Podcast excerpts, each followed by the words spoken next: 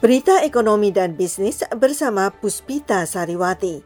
Twitter telah menghapus besar-besaran jaringan akun yang katanya terkait dengan pemerintah Tiongkok dan mendorong informasi palsu yang menguntungkan penguasa komunis negara itu. Beijing membantah keterlibatannya hari Jumat dan mengatakan perusahaan itu seharusnya justru menghapus akun yang mencemari nama baik Tiongkok. Perusahaan media sosial AS itu menangguhkan 23.750 akun yang memuat tulisan pro-Tiongkok dan 150.000 akun lainnya yang ditujukan untuk meneruskan dan memperkuat cuitan-cuitan pesan-pesan itu.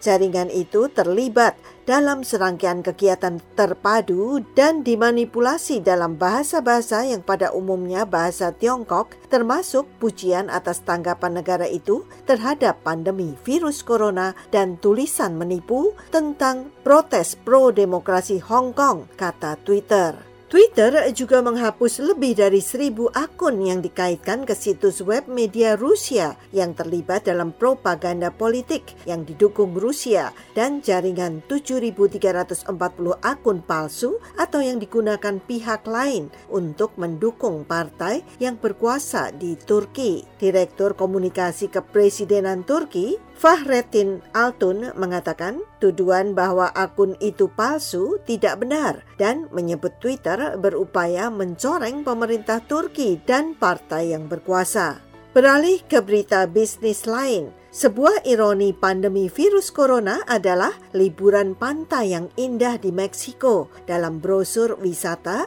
benar-benar ada sekarang, yaitu pantai pasir putih berkilau bersih yang sepi di pesisir Karibia. Air lautnya jernih di pantai Pasifik dan perairan di sekitar resor Los Cabos yang penuh dengan ikan setelah 10 minggu tanpa perahu-perahu yang hilir mudik.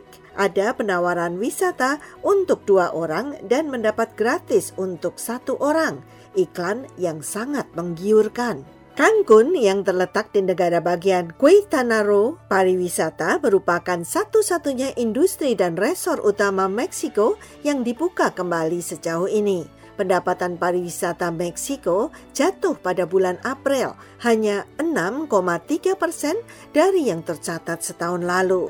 Ratusan ribu kamar hotel ditutup Pariwisata menyediakan 11 juta pekerjaan langsung maupun tidak langsung di Meksiko dan banyak dari pekerja dirumahkan sambil menunggu meredanya pandemi. Situasinya sangat menyedihkan sehingga Menteri Pariwisata Meksiko mengusulkan agar industri ini sebagai salah satu kegiatan penting Meksiko sehingga dapat dibuka kembali seperti halnya industri konstruksi, pertambangan, dan otomotif yang sudah mulai dibuka. Tetapi pejabat kesehatan federal kurang antusias dan mencatat bahwa pariwisata menyiratkan perjalanan, keramaian, dan orang-orang yang berada di luar ruangan. Puspita Sariwati, VOA, Washington.